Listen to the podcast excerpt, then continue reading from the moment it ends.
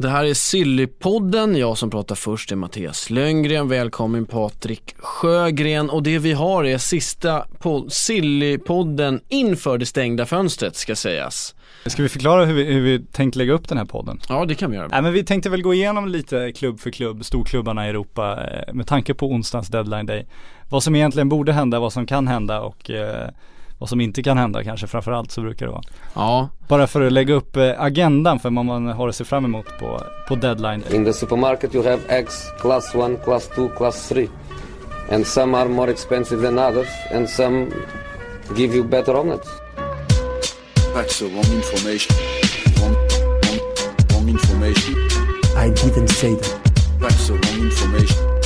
Do you think I'm an idiot? Wrong, wrong, wrong information. Now look at me. Det börjar bli eh, spännande nu.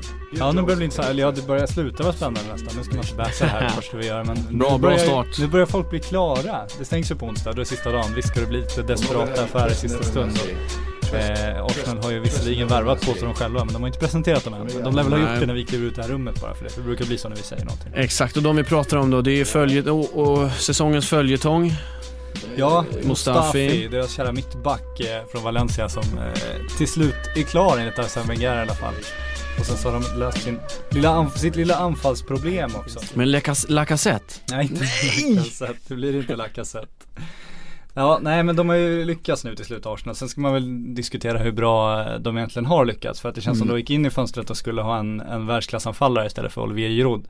Och det känns inte som det, det liksom är det de, de får in nu. Utan det känns som de eh, snarare får in mer breddspelare. Visst är det stora spelare och visst kan det bli väldigt, väldigt bra. Men eh, ja, jag är inte övertygad om att det var det här de ville ha. Och jag tror att man kan se det på prislappen också. Att Arsene Wenger inte har betalat en Mesut Özil prislapp eh, för någon av spelarna. Utan han, han eh, lagt sig på lite annan nivå. Jag tror det speglar eh, också hur, man ska, hur bra man ska se på spelarna och vilka förväntningar man ska ha på dem. Ja, vad han fick eh, punga ut här nu? Nu är det inte riktigt officiellt allting så det är inte helt klart var Mustafi landar någonstans. Nej, men, eh, Han lär väl landa runt 35, 35. miljoner pund kan man väl tänka beroende på sen hur man ser på på eh, klausulerna och så. Vilka som, det, är, det är alltid svårt att värdera klausuler. Vissa kan ju vara att om Arsenal vinner Champions League, det kanske inte är jättesannolikt att den slår in de närmaste åren. En annan kan vara när han gör 30 matcher, vilket är sannolikt att den slår in de kommande åren. Så att, det vet man ju aldrig vad det står exakt. Så jag tycker nästan man ska räkna in dem där när man ser en prislapp trots allt. För att eh, det känns ändå mer relevant att ha med dem än att inte ha med dem. För det kan bli en framtida kostnad. Och sen Lucas Perez eh, lär väl bli lite billigare om man säger så. Men eh, var det typ 17 har jag sett någonstans. Eh, Ja det pratas om 17 och det känns väl som Det också säger en del om den, den spelare det är eh, Han var nog inte helt svår att få loss, han ville väl lämna också och Det är en, en bra spelare Han är, verkar poängtrygg. han verkar poängtrygg, han eh, är en kille som kan spela både på kanten och centralt vilket är lite oroväckande för att det känns som det var en central anfallare de vill ha men de vill också ha in en anfallare som kan gå åt båda hållen. Det är ju det Olivier Giroud har saknat så Lucas Perez är en kille som kan gå i djupet. Kanske inte den bollmottagare på det sättet men en poängspelare, både assist och, och, och målgörare så att de får in ett intressant verktyg till sin verktygslåda som man brukar säga när man använder klyschor men jag tror inte att det var Lucas Perez eh, de hade önskat stå med som anfallsförstärkning innan fönstret. Det, det här tror jag är en, en, eh, en Ja men en räddningsaffär för att täcka upp ett behov de ändå har. Jag tror de vill ha en anfallare som kunde vara både Olivier Giroud och Lucas Perez än en Alexander Lacazette som du sa. Som de ju bevisligen har fått ett bud avvisat på, minst ett bud, för det har Lyon bekräftat. Det får de inte i Lucas Perez, de får inte den typen av eh, dubbellösning. Däremot får de in en spelare som kanske kan användas på ett annat sätt än vad Olivier Giroud gör och som dessutom kan användas på en kant om de får, får skador där eller liknande. Så de får in en nyttig spelare men jag tycker inte att det är den, den världsklassanfallare Arsenal behövde för att verkligen, verkligen bli eh, titelfavorit. Tråkigt för Arsenal men det är ju bra för oss för då får vi mer att spekulera i. Vad mer är det som saknas för Arsenal? Vad, eh, nu sa eh, Wenger här, läste jag någonstans att han nämnde att det kommer hända mer stora saker. Håll ögonen öppna under de tre sista dagarna någonstans efter att Mustafa blev klart. Men eh, eh, teorin här inne i det här rummet är att eh, han menar att det, det blir bekräftat. De, Ja, de två som alla andra Jag tror vet. han pratar om Lucas Perez och Mustafi. Jag tror att det är de två han menar. Att man ska hålla ögonen öppna efter för att de är inte presenterade än. Jag, jag har svårt att se att Arsene Wenger drar ut ytterligare något kort ur sin, eh, sin ärm där innan Men han det skulle ju behöva. Jag menar det han behöver är ju samtidigt eh, världsklasspelare, alltså de som verkligen lyfter laget till en helt annan nivå. Och det kommer han ju inte lösa på två dagar nu, det är helt osannolikt. För det är det han försökt lösa hela sommaren, det är det han försökt göra med, med Lacazette och de anfallare han dragit i. Det är det han försökt göra i sin mittbacksjakt där han fått in Mustafi. Som ju visserligen är en bra spelare på alla sätt och vis men jag vet inte, han är nog väldigt nyttig för Arsenal, han fyller ett behov de verkligen Mm. har. Men det är ju inte den världsklassbacken, tror jag, som, eh, som de flesta klubbar letar efter. Där tror jag samtidigt att Wenger hade lite mer realistiska förhoppningar för han visste nog att det finns inte de, den typen av världsklassback på, på marknaden. Manchester United gjorde ett lyckokast när de fick Erik Bailly och han har hittills varit eh, helt fantastisk. Ja, Men- överlevt förväntningarna. Ja, men han var ju samtidigt också lite av en, en chansning får man väl säga. Så att där tror jag han hade mer realistiska förväntningar. Däremot tror jag att anfallspositionen ville han nog verkligen ha in någon som kunde verkligen lyfta dem till en ny nivå. Men den spelaren finns ju inte på marknaden nu och då, då blir det den här typen av lösningar. För jag har svårt att se vem, de skulle ju inte gå in och konkurrera med Higuain. De priserna skulle ju aldrig Wenger betala. Så att, och det, det är väl han som har rört på sig av den kalibern som de skulle behöva. Ja det är väl som känns lite lurigt nu är att vi, vi kommer gå igenom fler lag här såklart och det är ganska många kommer vi kommer komma till att mittbackar hade aldrig varit helt fel att plocka in och att det är Nej. många som letar. Så att eh, en, eh, en riktigt bra, bra mittback som är sugen på att flytta sig, det hade blivit huggsexa och då hade Arsenal inte kunnat vara med. Nej förmodligen inte. Det, det blir ju liksom eh, John Stones prislapp direkt. Då kan man räkna bort Wenger även fast jag tror att Wenger är så listig så att han inte ville ha John Stones. Eller så får man eh, göra en Bayern München och övertala en kille som har spelat hos dem en gång i Mats Hummels och så får man in en riktigt bra mittback på det sättet. Eller så får man göra som Manchester United gör, ett, ett fruktansvärt bra scoutarbete. Om Erik Bay fortsätter på den nivå han ligger på nu. Så har de ju verkligen gjort ett superfynd där. Och där kan nog Wenger kanske vara lite bitter trots allt för att eh, det är ju den Det har ju varit hans signum. exakt. Nu jagar han ju bara tyskar helt plötsligt men det, det är ju ändå där han liksom har dominerat tidigare och det har det som varit, som varit hans liksom starkaste, starkaste scen. Så att eh, ja, där kan han nog vara, vara lite bitter trots allt eventuellt. Det kan jag tänka mig att han är också, även om man aldrig skulle säga det. Men som sagt, och där har han blivit slagen på fingrarna och inte av vilken klubb som helst heller. Har vi en konkurrent, nu ska vi tänka efter det här för att Bailly kommer ju fan från den spanska marknaden. Men bara för att han spelar för Elfenbenskusten så tänker Ja. jag den franska marknaden direkt. Ja det stämmer. Ja, Där har vi helt skjutit i sank. fast det behöver dock- inte vara dugg bitter. Ja fast jag tror han är bitter ändå. Han Ja. brukar vara bra på att hitta de här spelarna som, eh, ja men, som är på väg och ska bli någonting. Jag sen ibland bara- chansar jag han vill ju ju bara fel att. Bailly ska vara född i Frankrike men det är han ju inte heller. Så det, här Det var väldigt franskklingande namn, Frans, precis Ja, han som vi spelar för pratar. Elfenbenskusten så att man, man tänker att han är, har en, ett franskt ursprung då, vilket många där har på ett eller annat sätt. Men nej, han kommer ju från den spanska marknaden. Då är det ingen brittisk tränare som behöver vara bitter över det, över de som har varit och, och vänt till Spanien eventuellt. Då får vi ännu mer beröm till eh, United i sitt arbete helt enkelt. Ja, Mourinho var ju i Spanien och vände så att han eh, kanske fick upp ögonen från honom då. Han kanske såg honom där. Eh, Arsenal, vi lämnar dem, går in på United som ju har stått för eh, några riktiga transferbomber eller förflyttningar förvisso via en och samma agent som har pratat om. Ja. Eh, men, kommer det hända någonting mer? Eller vad skulle, vad skulle du vilja se i, i United nu? Det pratas ju om att de rycker i någonting till. Det har viskats om mitt, ytterligare mittbackar där också. Det vet jag inte om de behöver. Det, det man är lite osäker på är ju fortfarande ytterbacksplatserna. Luke Shaw har väl sett okej ut nu bra inledningsvis. Men Antonio Valencia på andra sidan eh, som de hade förra säsongen har ju, ju inte den ytterback man vill ha för att, gå riktigt, riktigt långt i Champions League till exempel. När de inte är med i Champions League men på sikt ska de göra det. Och det är ju det laget de ska bygga fortfarande. Så om man ska titta på den, med den kravbilden som man ändå ska ha på United, då, då, då krävs det ju fortfarande ytterbacksförstärkningar. De har ju en riktigt bra målvakt, nu fick de in en riktigt bra mittback. Eh, de har ett, ett offensivt mittfält som helt plötsligt är väldigt intressant, en anfallsbesättning som är väldigt intressant. Defensivt mittfält har man också varit lite tveksam till men det bör de kunna stadga upp nu. Så att, eh, men på sikt absolut ytterbacksfrågan borde lösas och sen eventuellt eh, den där spelaren, man pratar ju om det där in mittfältet hela tiden men det, det vore väl trevligt med lite nytt blod där också faktiskt. Pogba är ju en, en offensiv mittfältare, jag tycker han ska användas mer offensivt än vad han kanske gjort. Han är ju eh, kapabel att vara en tvåvägsspelare men ska man få ett maximalt av honom ska man nog ha honom lite högre upp. Så att, eh, eventuellt defensivt mittfält när Michael Carrick blir ännu söligare. Ja, det är en Pogba som inte behöver tänka allt för mycket defensivt. Då tror jag det kan bli ganska mycket frigjorda krafter där framme och ännu jobbigare. Han Det har känns en ju så. oerhörd fysik. Ja, det känns som det borde ge honom den, den lyxen på ett sätt. Ja, faktiskt. Då, eh, men då finns det fria tyglar. Då kan det hända lite vad som helst offensivt sett. Eh, Med Mkhitaryan också som ja, de har ju skaffat sig ganska mycket fart och spelintelligens. Ja, och de har gjort det smart. De har framförallt byggt om sin kultur ju på ett väldigt eh, imponerande Ja, sätt. Nu pratar, ju- ja, nu pratar ju folk om dem som liksom den klubben i England och det är helt eh, sinnessjukt egentligen för att det, det, var innan de hade spelat en match i år i stort sett så var de den klubben i England bara för att de lyckas värva de här riktigt stora spelarna och de gör det utan att spela Champions League. Så de Och det var ju- länge sedan, det, ska, det var länge sedan United nämndes på det sättet. Ja, verkligen. Man har ju skrattat åt dem i flera år. Nu är det ingen som skrattar åt Manchester United just nu. Det var ju till och med Eh, om det var Stan Collymore som var ute och sa att om de hade spelat Champions League så hade de varit favoriter också. Det hade de inte varit. Men, så, men det säger en del om hur britternas syn på Manchester United. Nu är det ju den klubben i England igen. Utan att de har behövt bevisa det sportsligt än så länge. Än så länge. Eh, Än så men det är ju så, eh, å andra sidan England ser på de brittiska öarna överlag. Så är det, men nu, nu pratar ändå inbördes ranking så då Ja, kan man ändå värdera vad de tycker Det för en gångs skull.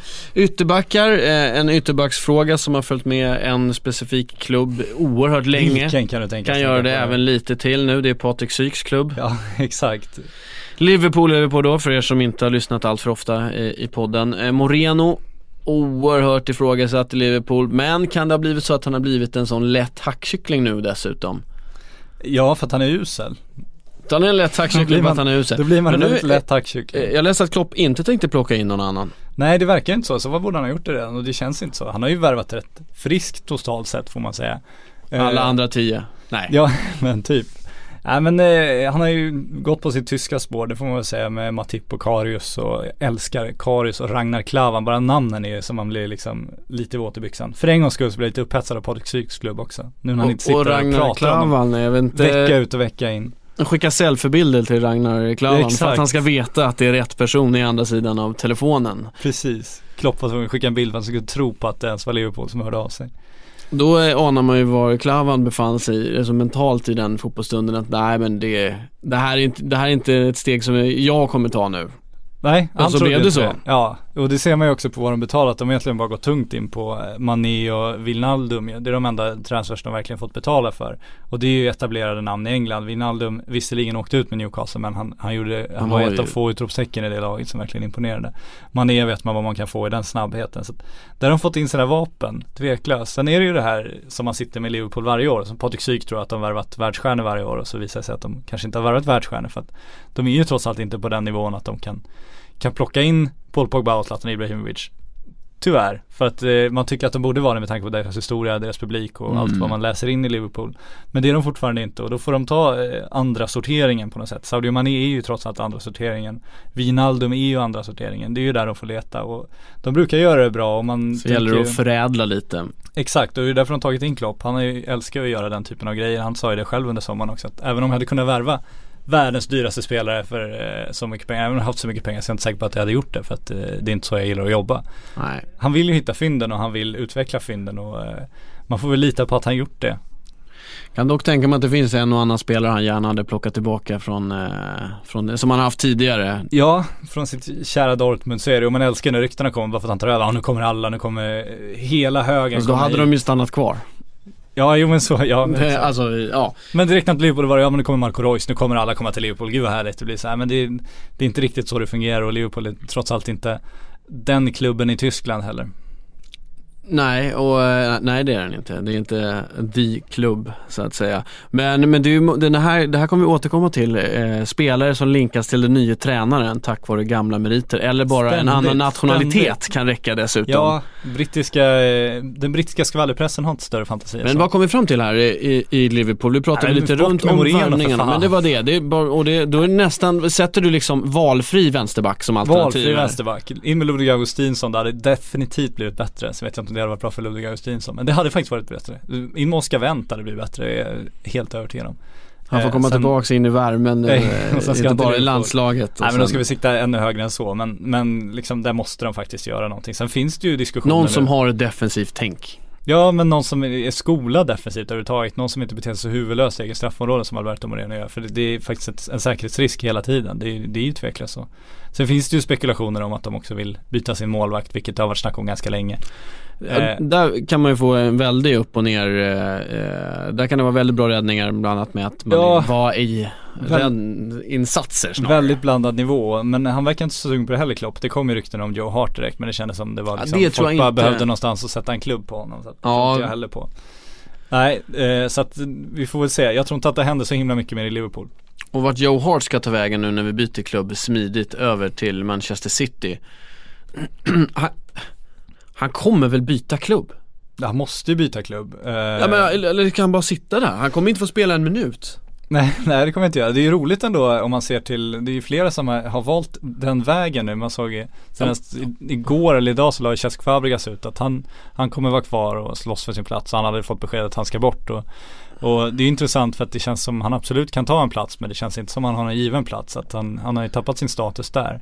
Ja. Sen eh, har vi ju sett med eh, Schweinsteiger också att han trots att han spelar med ungdomslaget ska vara kvar i Manchester United hela året. Har han bestämt sig för och han har ett rätt bra kontrakt där så att det kan man väl också förstå. Han har ju till och med gjort fast att United blir hans sista klubb i karriären. Så att han gör ju en vinst om bågar. Han kommer ju Ja, då gör han inget mer nej. han kommer lösa ut checken och åka och kolla på tennis liksom. Det är, det är hans kommande år och det, det kan man väl unna honom. Eh, om nu United har gett honom det kontraktet så har han Bayern- all rätt att, att utnyttja det. det är inga, han inga gjort det här i. Bayern München Då hade det varit ännu mer okej liksom att de Ja, på ett sätt är det På okej. hösten så, ja men vi har, han har gett oss så mycket under de åren som Ja, han har, då ja. kan han få Men Och då hade man kanske löst ut kontraktet, han fått en summa Ja, för det. Så att det hade är säkert gjort, men nu kommer han väl få sitta där Om de inte löser ut det här också, men han verkar inte så himla eh, benägen att göra det. Han verkar trivas rätt bra med att han ska eh, komma och checka in och checka ut på den här träningsanläggningen. Så vi får väl se vad Joe Hart gör. Jag tror att Joe Hart är ju på ett helt annat sätt oönskad. Han kan ju inte ens hoppas på någon rotation utan han kommer inte Nej. få spela i år. Så är Ja, det är för att han inte alls passar in överhuvudtaget Ja, det, han har ju verkligen visat det nu när han har två målvakter framför sig också. Det kommer inte bli två skador. Det är inte som en anfallssituation kan gå in och,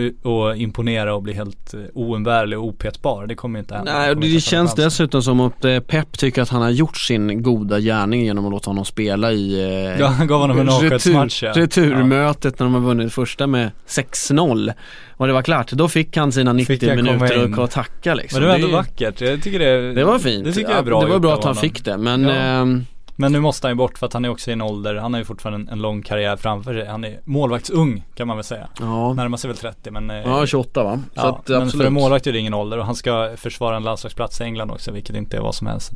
Han behöver ju bort. Sen eh, pratas det ju till och med om om italienska klubbar och om spanska klubbar och det tror jag inte riktigt på. Jag tror inte att Nej, en var engelsk det Torino som snurrade upp som någon namn eh, Ja de eh, gick ut nyligen? själva och sa att de eh, var sugna om han var sugen och det säger ju ingenting egentligen. För Nej, nej det, det, jag tror, det, det blir väl någon brittisk klubb. Sen är ju frågan om det kommer vara Premier League eller om man får, eh, får möjligtvis Får ner i Championship. kliva ner till, ja men det är inte helt eh, Nej, nej man kan inte lova. Det, Det måste ju vara en klubb som vill plocka in någon också. Ja och sen ska ju City, det finns ju en lönepost att lösa där också. Så Alla har inte råd med den och sen om det, om det ska bli en övergång så är det ändå, jag tror inte att de ger bort honom bara för att Pep Guardiola inte vill ha honom. För han har fortfarande ganska högt marknadsvärde. Så att vi får se om han går på någon slags Falcao-utlåning eller vad han, vad han kommer Ja. göra.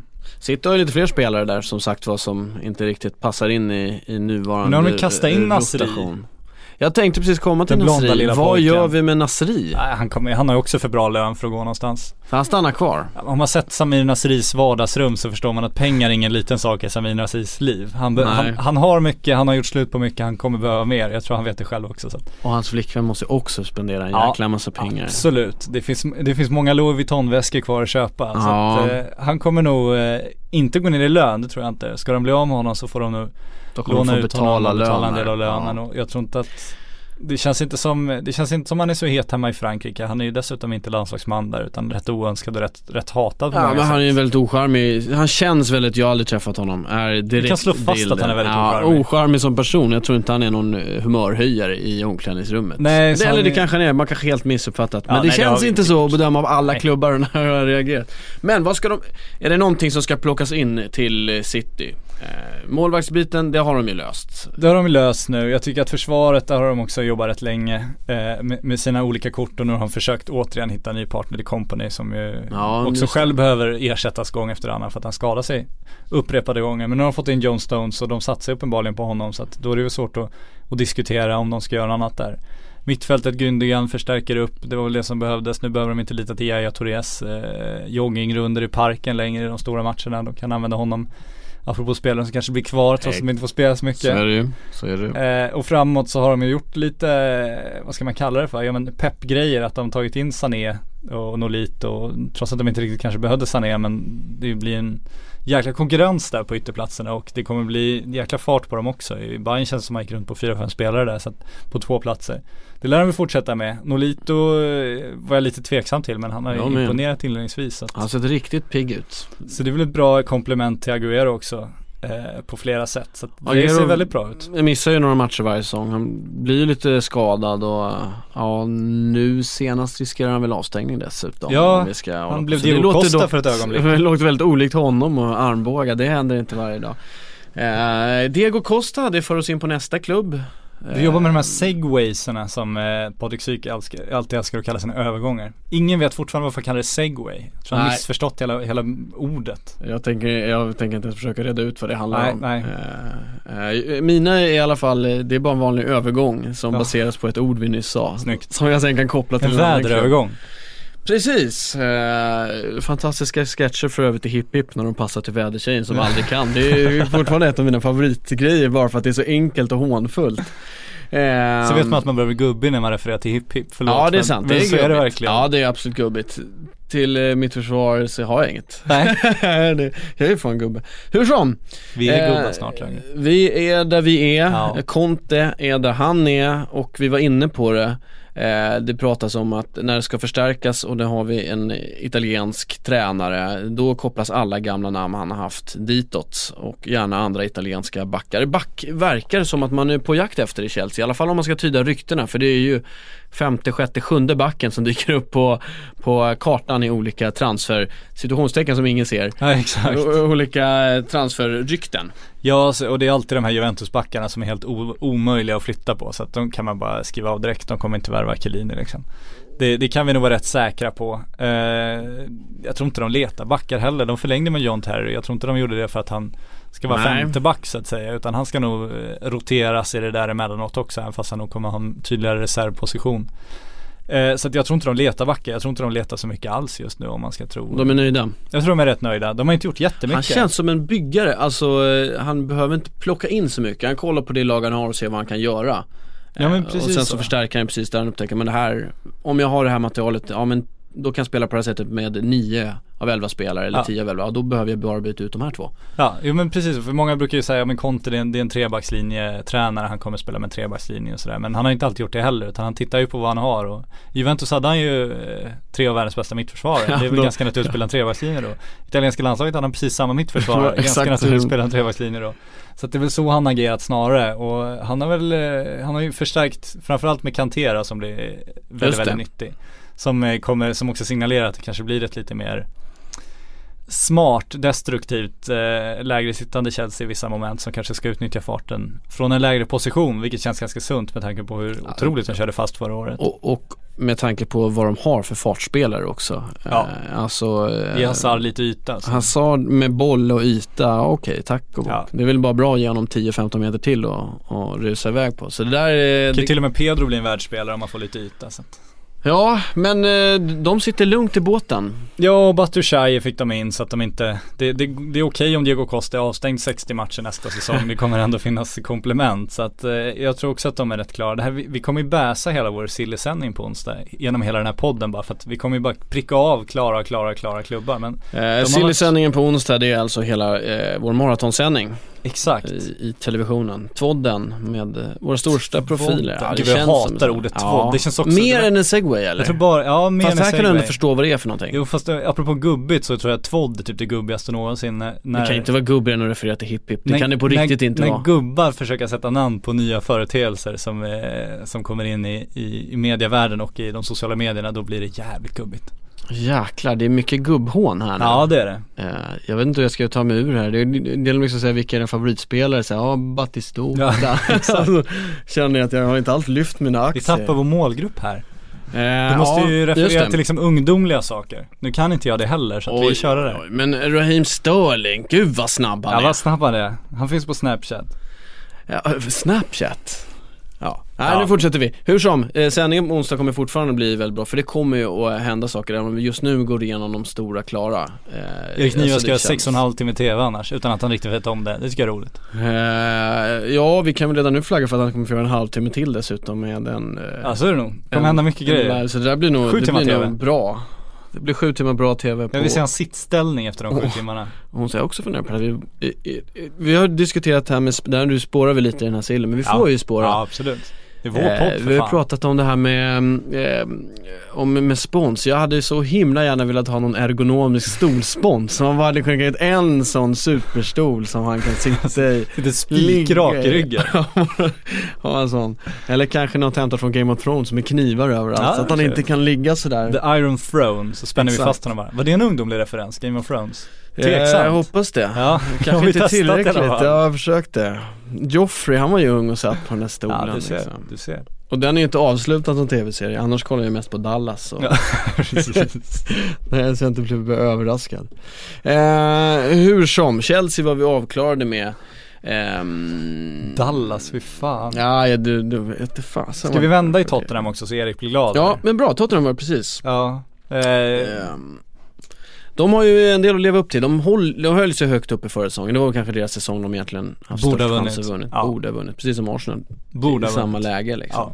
Eh, Okej, vi ignorerar att de är helt knäckta över att de la sig i sista matchen och släppte förbi Arsenal. Eh, skamligt, det får man faktiskt säga. Ja, sen tror jag att de skiter lite i det själva faktiskt. Ja själva, men då har man faktiskt väldigt dålig koll på Ja, så är det. Och det, det kostar så lite att bjuda på fansen. Fansen som totalt står för allting egentligen också. Men ja, ja men tack för den säger, Ja. säger väl Erik Niva och alla andra Tottenham-fans. Vad ska Tottenham göra då? För att ehm, i denna supersäsong som det ändå känns att det, alltså det är många lag som är där uppe, alla lagen vi har varit inne på nu Kanske inte Liverpool faktiskt. Men alla andra lag skulle jag väl säga kommer ju kunna blanda sig i, i toppstriden. Arsenal hänger lite svajigt i och med att de inte får till några riktiga Ja, supervärvningar. Men de, ja men de kommer ju vara där uppe bland Ja, topp fyra, så det kommer vara tight i år tror jag. Ja, det var en Eh, vågad gissning. och hur ska då Tottenham, nej det var inte vågat. Det var en gubbig gissning, jag håller mig safe. Men Tottenham, hur ska de göra för att återigen hålla sig kvar där uppe? Ja men jag tycker de har gjort rätt som ändå utnyttjar det, den liksom konkurrensfördel de har. För alla andra bygger ju om. Manchester United bygger om, Manchester City bygger om, Chelsea bygger om, Liverpool bygger fortfarande om. Eh, Leicester får också bygga om. Eh, Tottenham behöver inte bygga om. De eh, har inte släppt någonting de är intresserade av att behålla överhuvudtaget. De har, hade redan innan en väldigt ung trupp med en en ganska låg medelålder, eller väldigt låg medelålder till och med. Så det handlar ju bara om att förädla den och sen har de Ja snarare kompletterat än, än spetsat. Victor Wanyama kan ju bli en spets på ett sätt om de använder honom på det sättet. Samtidigt som Vincent Jansen, anfallaren från AZ är ju en, en ren Ren ersättare till Harry Kane Harry Kane inte, inte kan spela eller behöver vilas. Så att de har gjort, Eller inte råkar vara i form, det menar något av det kommer ju någonting kommer hända. Ja det är ju två nya unga spelare också. De är 22 och 25 år gamla. Så att de håller sig jävligt lågt. Det gäller ju bara att, att krydda upp det med lite rutin också. Men det, det har de ju skaffat sig nu eftersom de trots allt har levat väldigt många må- år tillsammans. De här ungdomarna som de fortfarande är. Så att det ser, ser riktigt, riktigt bra ut. Jag hoppas att de kan prestera lika bra igen. För om de, den, det året de inte presterar lika bra igen så finns det ju den där omedelbara risken att de här guldklimparna och juvelerna de trots allt förädlat helt enkelt plockas ifrån dem. Så det finns ju en stor press där också att ligga topp fyra och faktiskt ta sig till Champions League fortsättningsvis och fortsätta bygga klubben på lång sikt och få upp eh, omsättningen och så. Så att jag tror att det är lite av en nyckelsäsong trots allt, även fast allt ser så otroligt bra ut. För att nu har de fått behålla allting tack vare att de var så fruktansvärt bra förra året och då gäller det verkligen att, att hålla nivån. Eh, och, och en anledning till att man får behålla e är att spelarna, spelarna måste ju onekligen trivas med, med Pochettino, tro på det han gör och känna att ja men det här är rätt plats för mig, jag kommer att utvecklas bäst här och nu. Och då som du säger, de har ju unga spelare som jag kan tänka mig att ganska många andra ändå gärna hade plockat. Så är det, samtidigt så är det unga spelare också som därigenom inte heller behöver ha så himla bråttom. Har du en kille som är Nej. 26-28 och får det där drömerbjudandet från Manchester United eller Barcelona eller Real Madrid eller någon riktigt stor klubb då Eller stor klubb, riktigt större klubb. Nu ska jag inte förminska Tottenham för att det är en stor Nej. klubb. Men en ännu större klubb. Då är det svårare att hålla fast i dem. Om Kanté Ja, får det erbjudandet så är det klart han vill gå liksom.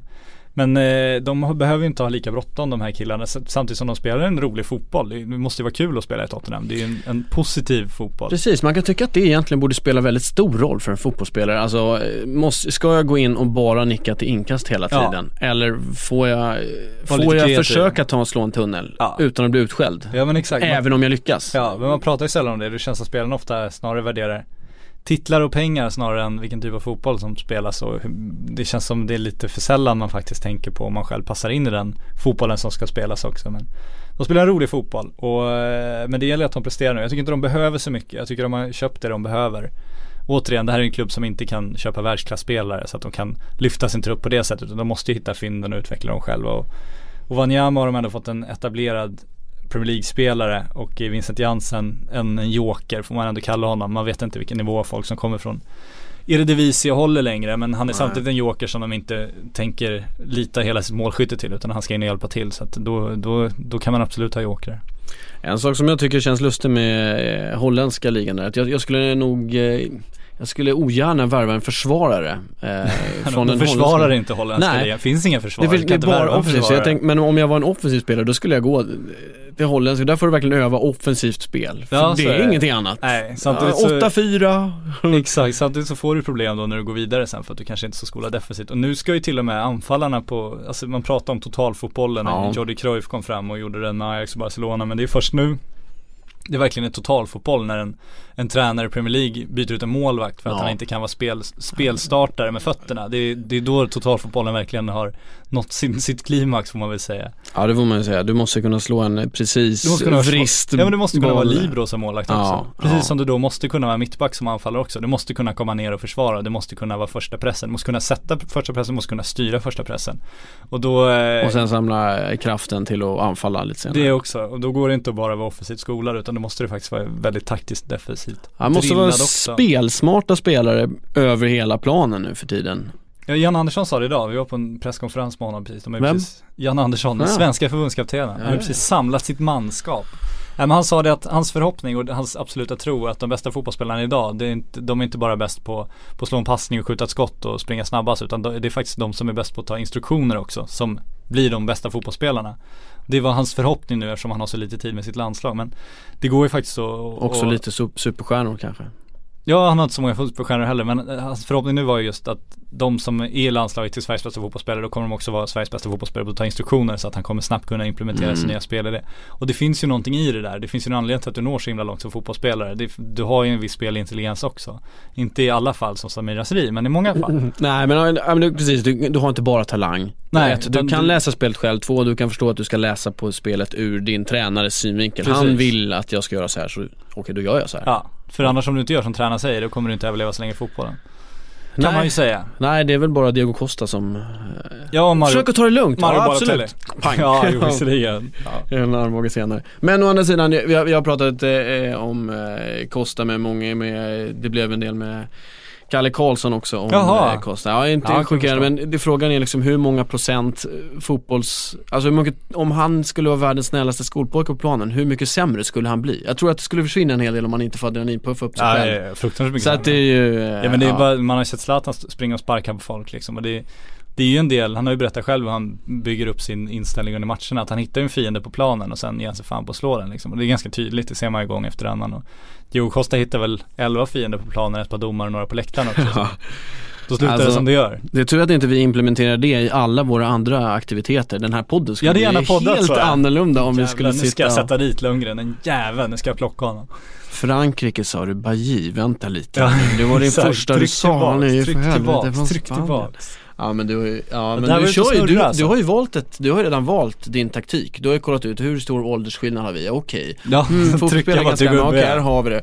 Kan han ha sett eh, när, när vi kör Beverly Hills be, ja, han såg de första va? Eller är det inte de här nyinspelningarna han vet vad det är för någonting? Nej okej, okej. Ja, är det. Paradise Hotel har ju börjat, det har du väl sett?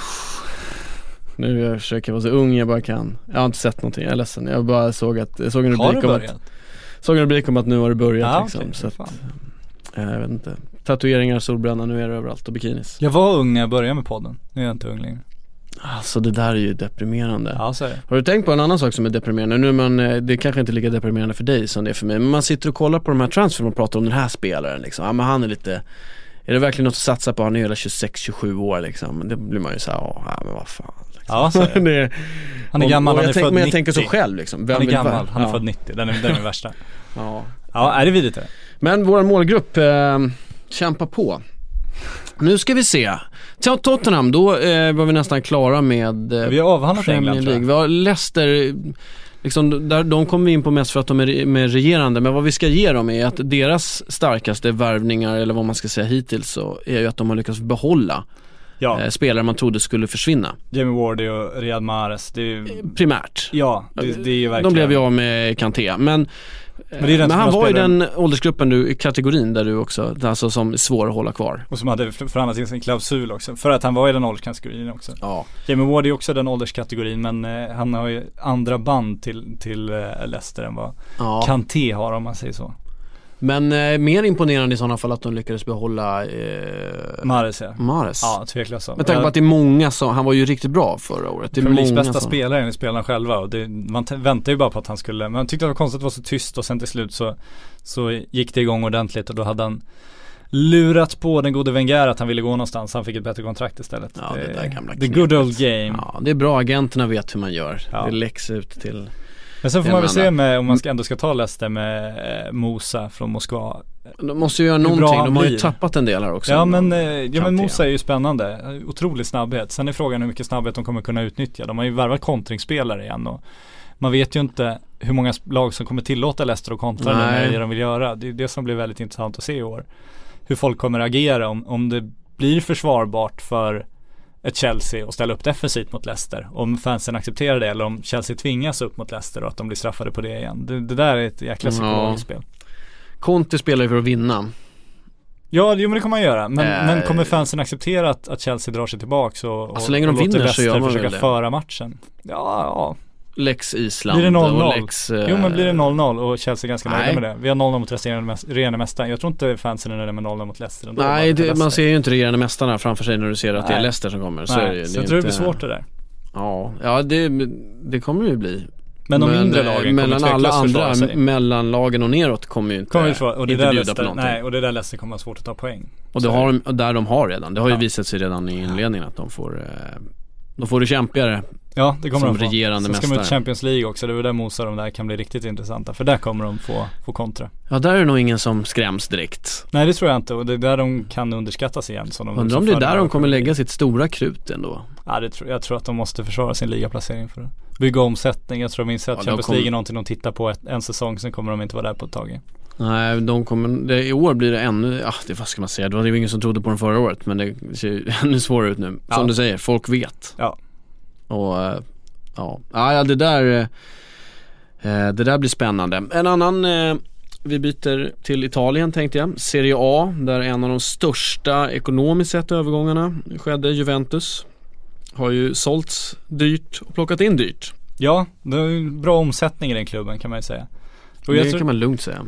Det är lite sådär, alltså jag tycker inte Juventus förlorar så himla mycket med försäljningen av Pogba. Alltså, det, det han blir ju otroligt hypad nu och det är ju en otroligt bra spelare och han kan betyda väldigt, väldigt mycket för Manchester United men jag tyckte inte att han var så bärande i Juventus när de gick som längst i Champions League till exempel. Jag tycker ändå att det fanns mer av en laginsats där. Så att jag, jag tycker att de gjorde rätt som släppte honom. De fick in Higuain nu som är en spelare de letat efter, den där absoluta målkungen. Han, det, det var inte Morata, det går inte att komma ifrån. Han är inte på den nivån riktigt. Så där får de en kille som har potential att bara eh, krossa sitt eget skytteligarekord igen och också avgöra matcher i Champions League. Så får de in Pjanic också som man Pjanic. absolut inte ska underskatta. Nej verkligen, det är bra. Alltså Ju- Ju- Juventus känns nästan starkare. Ja jag säga. tycker det, jag tycker också Faktiskt. det. För de har fortfarande Buffon som är en, eh, en ålder som Buffon kan hantera. Han är din ålder. Han och jag, vi kan prata tv Exakt, han har sett hela Dallas. Han har sett Bläckfisken och sånt här bra Jag har italienska ingen aning serier vad du från när jag var pratar om. liten. Nej jag förstår. Ja. Nej men han är, sen har han sitt försvar som man inte ens behöver prata om. Det är odiskutabelt eh, världsklass, det såg vi i EM om inte annat. Och sen framåt så tycker jag att med Pjanic har de fått in en, en, en riktig klassspelare. De betalar ändå väldigt mycket för honom för, med italienska mått mätt från Roma också. Mm. Så att det är ingen dum affär, den är riktigt, riktigt bra. De har fått Dani Alves som eh, jag tycker varit underskattad i Barcelona till och med. Om man ser på, på Messis mål, hur många assist Dani Alves haft där. Så fort matchen har låst sig, vart är det Messi söker sig, han ska ut till höger, hitta på någonting med Dani Alves. Det är han som har låst upp det gång efter annan tillsammans med Messi. Så att det tycker jag också får honom gratis visserligen, ja 33 år, han kommer inte hålla 40 år till men Han, Han- behövs inte 40 år till. Nej han kan göra två bra år, jag tror att han kan vara motiverad, man hoppas ju det. Eh, få tillbaka Benatia för att bredda försvaret och, eh, det ser, ser snuskigt bra ut faktiskt.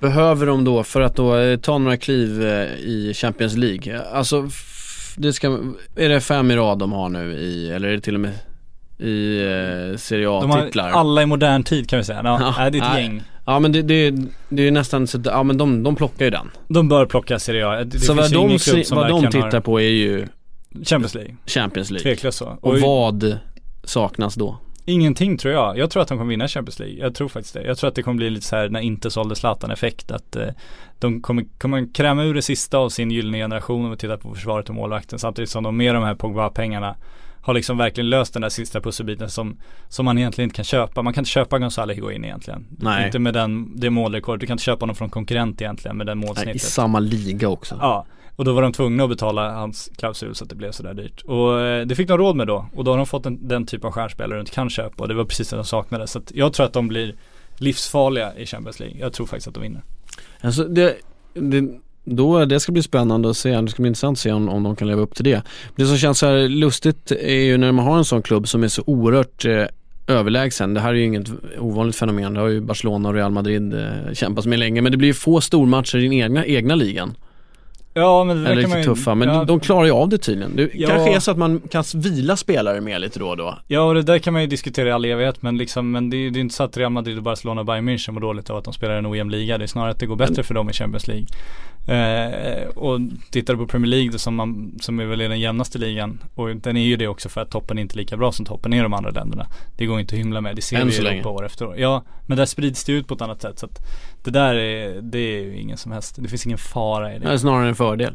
Att man kan vila spelarna lite då och vila då. spelare, du kan värva spelare från inhemska konkurrerande lag så att du Ja. kan plocka juvelerna som fortfarande är kvar i Ja det är ju. Bayern Münchens eh, effektiva teknik i Tyskland. De har ju plockat alltså de, de har ju alltid plockat. Där har vi, om vi ska snacka om klubben ja, i så är länder, det. så är ju Bayern München är ju I verkligen Tyskland klubben. och Juventus är verkligen klubben i Italien. Alltså Ja, deras två är största affärer nu kommer från Napoli och Roma liksom. Det, Och det är ju två andra storlag. precis, så det, de är ju mo- stormobbarna i Italien just nu och då ja, det är bra för italiensk fotboll. Det är kanske lite tråkigare att se på ligan men om du vill ha framgångar i Europa, om det är så man mäter vad som är bra för en liga så är det ju jättebra för italiensk fotboll. Så det, det är den här evighetsdebatten. Är det bra för svensk fotboll att Malmö FF går långt i Champions League? Ja, för att det, Ja, det visar att svensk fotboll har hög klass, du får in mycket pengar men det kanske är tråkigare om, om ett lag då får massa pengar och sen kan bygga ifrån de andra liksom. Så att det beror ju Ja. på vad man anser är bra. Och den diskussionen, den har ju kommit varenda gång något lag har lyckats kvalificera in och det var ju inte så himla länge sedan det var någon annan klubb. AIK hade ju jättemycket pengar, byggde ut hela sin organisation. Men det är liksom på något sätt så lyckas inte svenska klubbar har inte hittills lyckats för, förvalta de här pengarna Nej. på något bra sätt. Nej, så är det ju. Eh, och Malmö, jag säger man, men de är ju inte där, de är ju inte i närheten. Alltså de tappar ju ett helt år, det blir ju så kostsamt. Ja, så är det. Ja, Det kostar och väldigt mycket det- pengar i Sverige det- och inte lyckas med Det är det. dyrt att komma tillbaka så det kommer de nog inte göra inom överskådlig framtid när Champions League görs om också. Men Nej nu är det, på så sätt är det ju kört. Eh, Så känns det ju. Men eh, ja, Nålsögat är ju om möjligt ännu mindre helt enkelt. Men det kommer ju gå, nå- det kommer ju hända, men det kommer ju vara ännu större. jag är inte säker på att det kommer hända. Någonsin. Ja, jag, jag skulle inte förvåna mig ett dugg om svensk fotboll, svensk, Den svensk lag aldrig någonsin kommer in i Champions League. Jag tror att det kommer vara stängd liga inom 20 år i alla fall. Så att, Att man stänger den eh, helt eller Ja. att den är i princip stängd. nej, jag tror att de kommer stänga den helt. Det blir storklubbarna får igenom det storklubbarna vill. Ja. Ja. det är tråkigt. Jag skulle ju hellre se eh, som, Som- vän man ja, var inne på. Jag Wennmans tyckte ja. den var bra faktiskt. Riktigt, riktigt bra. Eh, slå ihop alla lag från Champions League och Europa League. Göra rent cupformat. Ja, Och så bara, eh, de möter varandra hela vägen upp. det hade varit Hade det inte blivit fler matcher eh, för varje klubb så hade det inte varit en större belastning. Nej. Det som inte, där, anledningen till att det inte kommer hända är ju att FC Barcelona eller Bayern München kan åka ut i första omgången och då får de inga pengar alls den säsongen. Så det kommer aldrig någonsin skriva under på att eh, det görs om så. Men för den objektiva supporten så hade det varit en dröm ju. Och vad- ja, och för klubbarna, alltså inte de storklubbarna men Nej, men för de andra, vilken, ja. ja men det blir ju som, som FA-cupen, risk, alltså chansen, Ja. risken, beror på hur man ser på det. Jag tycker det var ett jättebra förslag faktiskt. Ja Eh, men det är inte småklubbarna som styr Uefa så är det. Va? Nej, det, det, det har det aldrig varit. Nej. Ja, mer förut, mindre nu. Nu Lennart Johansson fick i alla fall utöka det i alla fall. Ja, Mot Michel- Platini tyckte ju inte det då. Men Platini ville ju utöka sen också och gjorde faktiskt det. Så att han Sen, ja, jobbar men ju först var han emot ja, det först efter att han hade förstått att det funkade för Men alltså sen, förstått eh, storheten. Sen är han borta och nu bestämmer klubbarna så att det blir smalt igen. Ja, men han, han lyckades väl ändå förskansa sig lite pengar ändå på vägen eh, innan han Men det är inte synd ut. om Michel Platini. Det Nej, det kan man inte så. Det är synd att han missar någon straff kanske. Ja. Men i, i övrigt så det verkar gå bra för de där eh, gamla Kul för jättarna. Michel. Men Juventus, eh, de eh, behöver inte plocka in dem mer helt enkelt. Du, de är kompletta. Men om något annat lag överhuvudtaget ska ha en chans, vad kommer hända med, med Inter till exempel? Nu har ju Ja. De Boer får ju chans, chans. Han kommer in väldigt sent när maskinen försvinner och ska rucka om och direkt gamla tränare, gamla spelare. Det plockas ju, pratas ju om holländare och spelare som man känner. Eh, Men vad, vad kan de göra? Vad skulle de behöva göra nu? Ja de värvar ju Juan Mario nu.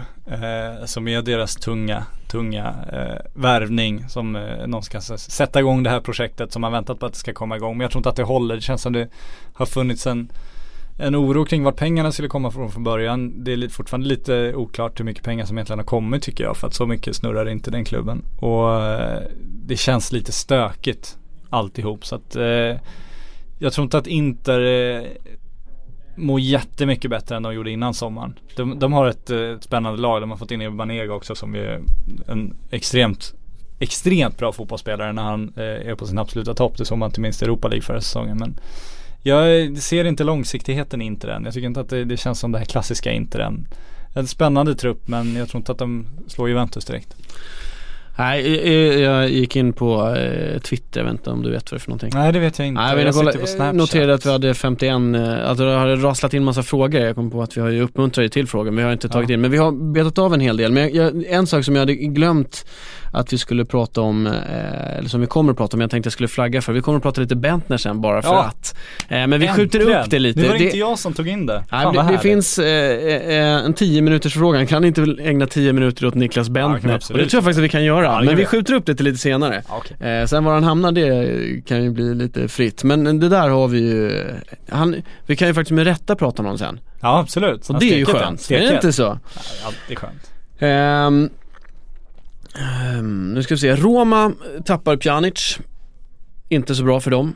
Nej, olyckligt för dem. Ja, men det är ju, det är alltså som vi säger, om det finns en mobbarklubb så är det ju, risken är att du har spelare som spelar bra men som inte kommer få vara kvar i alla fall. Hur mycket Exakt. du än vill att de ska vara kvar. Ja, de, det enda de kan vara lite bittra över är att de gjorde klart den där affären innan Juventus sålde Paul Pogba. Så att de inte hade det förhandlingskortet att lägga in Ja. när de satte sig vid det bordet. Men eh, ja, det var väl klart ganska tidigt med Pjanic. De fick ändå bra betalt för honom. Eh, 32 miljoner euro, tror jag. Eh, så att det är ingen dålig affär så. Det, det, om man måste sälja honom så har de ändå fått bra betalt. Sen, det- är ju så jävla tråkigt att prata om Italien nu, tyvärr. För att det känns ju verkligen, det är ju Juventus liksom. Ja. Sen, sen vill man prata om, om Inter och man vill prata om Milan, man vill prata om Napoli Ja. och Roma och man vill prata om dem som de Ja. storklubbar de en gång var. Som de var.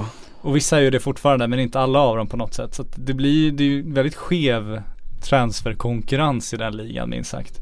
Ja det blir det ju. Och Roma då blir det Totti liksom. Hur, eh, Ja, men liksom förlänger han ett år till? Ja, så man kan prata om, man kan prata om El Sharawi, man kan prata om Mohamed Salah och liksom, men det är ju det är den typ av spelare som inte kommer göra så stor skillnad tror jag. Utan det, det kommer liksom hacka på ett år till och, och de har kvalitet i laget absolut och det kommer, kommer se ut som det har gjort. Men det har inte hänt så mycket under sommaren. Det känns inte som de har förändrat sitt lag. Det känns inte som de har ett nytt projekt på gång. Det känns inte, Nej, inte så, så nytt och spännande. om vi just ska prata Roma också så är det väl ingen självförtroende-pump här efter Champions League-kvalet med dubbla röda kort efter vansinnestacklingar. Nej, det finns ju vissa dis- disciplinära frågor i den klubben nu också. De Rossi, Som Spalletti får ta tag i. mm, Eh, dobbarna rakt in i knä och oförstående. Alltså det, alltså de har ju lite att svettas med. Eh, Ja, där ger man ju bort eh, en säsong liksom. Det är ju helt oförståeligt att man kan göra sådär. Ganska mycket pengar också. Ganska mycket pengar. Kul. Kul för Kul dem. för dem. Ska vi gå över till de andra mobbarklubbarna i Tyskland? Ja vi gör väl det, vi kan Mm. väl lämna Milan och Napoli, vi kan väl notera Vi får göra det. Milan, vad vi kan säga med Milan är att Milan är en klubb eh, för eh, milanisterna, som det är, deras trupp är inte klar. Milan får alltid spelare. Eh, så här, det här är min upplevelse. Det, det kommer alltid spelare till Milan på lån. Ja just det. I, när transferfönstret är på väg att stänga. Så de Ja. kommer få en tre, fyra spelare från Ja, olika få. klubbar här omkring. Och nu har de fått in pengar sent också vilket gör att de kommer Ja. eh, vara lite desperata. Så att, eh, Milan som du säger är inte klara men det är också, det, det går inte att tycka att det, Milan mår särskilt bra. Nu får man väl se vad de här nya investerarna kan göra på sikt men På Just kort sikt nu- är det lite tajt. på kort sikt blir det svårt. De har ju i stort sett inte gjort någon betydande värvning skulle jag säga utan att trampa någon på tå, tårna där. Eh, samma med Napoli, de är liksom, de värvade Milik som blev jävligt dyr men det var också för att Gonzalo Higuain såldes jävligt dyrt. De visste det liksom, fanns pengar. som man minns brände polska chanser i EM. Eh, Ja, det var Hälsingland han brände. Ja, det var han bra på. Där tappade de mycket, det ska vi inte gå in på. Nej, och sen mycket. så eh, Jackerini, Tonelli liksom, Zielinski. Det, ja, det, det blir kul att se vad Napoli gör med pengarna. De har återinvesterat dem, men de har ju tvingats betala lite överpriser också för att de hade så mycket pengar helt plötsligt. Så. Det är roligt hur det där fungerar. Det. När man vet att någon har pengar Ja. så Då vill man ha mer betalt. då vill man ha mer betalt. Bayern München, russinplockarna Russinplockarna. ur den tyska, men de, de kan plocka lite fritt lite här och där ibland känns det som. De är ju med på riktigt och utmanar även Real Madrid och de kliver Ja, in och ska ha spelare. Det är ju en, en klubb. Nej men det känns som, nej så är det ju. Det, det känns som de som kan plocka spelare från Bayern München, det är ju Real Madrid. Det är väl typ den enda klubb som kan göra det. Barcelona om de någon gång skulle bli intresserade. Men, men Bayern München, det känns de sätter sig ju i, i januari och tänker vilka spelare de ska ha till sommaren och sen har de klart dem i juni liksom. ja, Det är samma sak varje år. Nu löste de ju Renato Sanchez och Mats Hummels Ja. jättetidigt. Och sen händer det inget mer. Nej, vad, att, vad ska de göra mer? Nej, de är ju klara är de ju. Sen blir det intressant när de ändå ska, de har ju en generation att växa ut så småningom. Det går ju inte att blunda Nej. för det. Alltså Ribéry, Arjen Robben och de är redan på väg att, att växlat, växlas ut. Eh, Filip Lam, deras stora ledare, ska väl få någon roll inom klubben sen påstås Alltså jag har ju sett Robin spela med hår. Jag bara, Ja, Så gammal är du? jag vill bara berätta, ja men jag tänkte vi fortsätter. Det är rätt. Ja men Lewandowski, Javi Martinez, alla de här. Det, det är ju, stommen är ju, blir ju äldre. Den är ju vad den är, precis. Så är det tveklöst. Så på sikt ska de göra det. Det är det de har börjat med. Det är det, man får imponeras av. Mats Hummels är ju inte en föryngring på det sättet. Han är ju eh, en lösning på ett problem de har haft. Att de Ja. haft en ny mittback. När eh, Pep Guardiola drog med alla sina mittfältare som han tyckte skulle spela mittbackar så tyckte Carlo Ancelotti att men ska vi Ja, inte det- ha några mittbackar istället för mittfältare där bak kanske. Det har väl lite olika tekniker. Precis, så att eh, det, det är väl en lösning på något de behövde. Han är inte jättegammal heller men han är inte ung. Det är ju däremot Nej. Renato Sanchez som ju Där har vi en framtidsinvestering. Verkligen om utvecklingen så. fortsätter, utväxlingen av hans kvalitet, om den fortsätter i samma takt då, Då kommer det hända grejer. det Och monstergrejer här. Och det är ju samma sak med Kingsley Coman som de är, Det är ju en värvning nu också. Han var ju bara på lån förra Mm. säsongen. Då har de ju löst ut den klausulen så han kom in också. Han visar ju att han kan prestera direkt och tillsammans med Douglas så har de ju två unga kanter helt plötsligt. Så att Ribéry och Robben kan de växla ut så småningom. Ja. De Ja, bygger långsiktigt, man måste Men- imponeras. Och med det sagt, de kommer inte plocka in dem mer. Nej nu är de klara, definitivt. De var det i januari- januari på deadline day. nej. Ja, nej det kommer Vilken inte tråkig klubb att bevaka i sådana fall i just den frågan. Men ja, och vilken tråkig klubb att hålla på heller också. Förlåt App, app, men. app. Vi behöver inte gå allt för långt här. Det är ändå, men det är bra för tysk fotboll. Kul i Champions League men inte så kul i ligan. Så är det ju fortfarande. nej så är det. Även fast deras konkurrenter faktiskt gör intressantare och intressantare saker på transfermarknaden tycker jag. De måste ju. De Ja, men- måste ju chansa lite för att ha Ja men de vågar också sälja till varandra vilket jag tycker är beundransvärt och det tycker jag att andra ligor kanske ska Ska vara lite, ha lite mer självförtroende även i sina försäljningar och våga släppa folk inom landet när man tycker att man får tillräckligt bra betalt. Jag tycker att tyskarna är bra på det och det tror jag gynnar dem alla under, under Bayern München. Dortmund, Ja, det, det Gud vad man, man saknar Jürgen Klopp så fort man, man nämner Dortmund. De får fortsätta på sitt framtidsprojekt. Jag, det, det, det är liksom det roliga i Tyskland nu är att det har ju bildats någon slags kartell under Bayern München med Schalke och Wolfsburg och, och flera lag som Mm. faktiskt och Mönchengladbach ska man nog inte heller underskatta. Som eh, har blivit liksom stora spelare även på transfermarknaden och eh, även sportsligt. Kanske inte Ja. Bayerns nivå men det, det händer roliga saker i tysk fotboll. Jag tycker att det, jag tror att det här den beröm de fått för sin publik, det, det börjar även smitta av sig på resultatmässigt nu. Att det, det blir fler och fler lag som, som eh, har en annan slagkraft. som är starka även utanför. Ja men ja, och som eh, Ja, starka även på mark- marknadsmässigt och eh, på planen som kan kan bli lite spanska kanske, att det kan komma lite Europa League-titlar till lite mindre klubbar i Tyskland också kan man väl hoppas, precis som spanjorerna har lyckats när de visar att de håller väldigt hög nivå även under de tre största där också. Ja, eh, ja spanjorerna de är ju verkligen, eh, Sevilla nästan i, all, i synnerhet är ju en Europa League-titelsamlare. Det kan man säga, tre rad så att eh, det går inte att klaga på det. Men det visar ju också kvaliteten för man pratar om att det är en ojämn liga men det betyder ju inte att det är en dålig liga under Nej. de absolut bästa lagen. Det visar de i Europa år efter år. Och nu tycker jag också att Tyskland börjar få en väldigt, väldigt bra liga under det absolut bästa laget. Det, Anledningen till att Bayern är så överlägsna är ju att de är bra, inte att de andra är dåliga som man kanske vill ha det till om man ska, de som eh, vill vinna snabba poäng på kritisera ojämna ligor. Ja, det men det är, liksom det är sällan folk jublar över att man får ett tyskt lag i sin grupp i, eh, i Champions League eller i Europa de League. är svårslagna. Så är det ju tveklöst. Och Schalke kan man väl dra en extra lans för. De har köpt Brilen Bolo som eh, jag tycker ska bli otroligt intressant att se. En 19-åring från Basel som alla ryckte i. Alla tyska lag i alla fall. Är, du brukar ta vägen via Bundesliga när du spelar den schweiziska ligan. Han har eh, minst sagt goda vitsord. Han är inte bara en, en FM-sensation utan han, han är en sån spelare som det har snackats om ganska länge. Så att han ska bli väldigt, väldigt rolig att se. De fick ju lite Leroy Sané-pengar och kasta där. Mhm, mhm. Han Så har han- ingen koll på sådär. Vad är, vad är hans förtjänst? förtjänst. Ja, han är Ja. en, en ruskigt stor talang helt enkelt. Han har ju pratat om jätte, jättelänge. Det har liksom varit det här det eviga snacket om Bril, eh, storklubba som eh, scoutat och sådär. Så att eh, en anfallare, eh, riktigt bra. Alltså han är 19 bast, han är ordinarie i Schweiz landslag.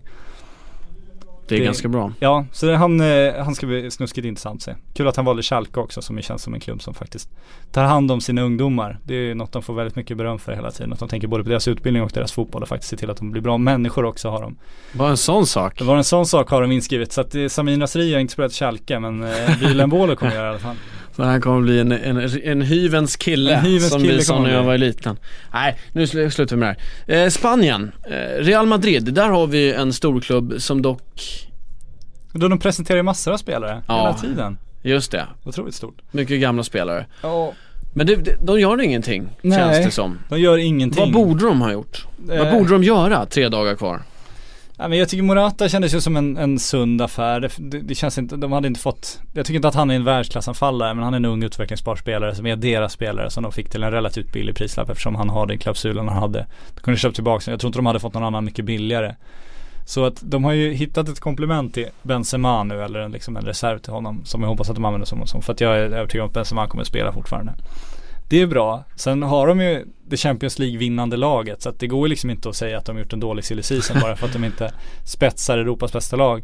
Samtidigt som vi sett att när man vinner Champions League så känns det som många klubbar är väldigt, väldigt nöjda och så sitter de still. Och så eh, är det en liten, liten försämring samtidigt som man vet att den som var tvåa, trea och fyra i Champions League de gör ju absolut allt de kan för att spetsa lite, lite till bara så att de ska nå den där sista. Om du då sitter still där uppe då blir du omkörd. Så går, blir det igång efter annan. Och de har ju inte förbättrat sitt lag. Det går inte att de, säga. eh, de har förlängt eh, i sitt lag. De har förlängt sitt lag, de har breddat sitt lag men de har inte förbättrat sitt lag. Asensiao ska ju bli intressant att se såklart. Han har imponerat för säsongen samtidigt som det, det brukar vara ganska lätt att, att imponera i ett eh, överlägset Real Madrid. Sen vet man inte hur det ser ut när du st- står på de riktigt stora bovarna i Champions League. Hur, Men det är ju en bit, det är en bit dit. Det är det. Så att, och han behöver inte ha den bärande rollen där heller. Men, men man trodde ju de skulle sälja Chamez. Man trodde de kanske skulle flytta på Isco också till och med. Eh, Men James- vill inte de flytta på sig då? Är det pengarna nu igen? Nej, det tror jag vet. Alltså Chamez känns så otroligt osäker. Det känns som han borde flytta på sig. Jag tror han vet om det också. Och, eh, men det känns som Zidane är väl den som ska ha sagt att han vill ha honom kvar. Och jag vet inte om Zidane tänker att han ska kunna ha en nöjd James Rodriguez på bänken. Det är klart det är en lyx att kunna ha James och, och liksom Ja. rotera med. Men jag vet inte hur kul James kommer tycka det är framåt nyår när han liksom inte fått några ordentliga chanser.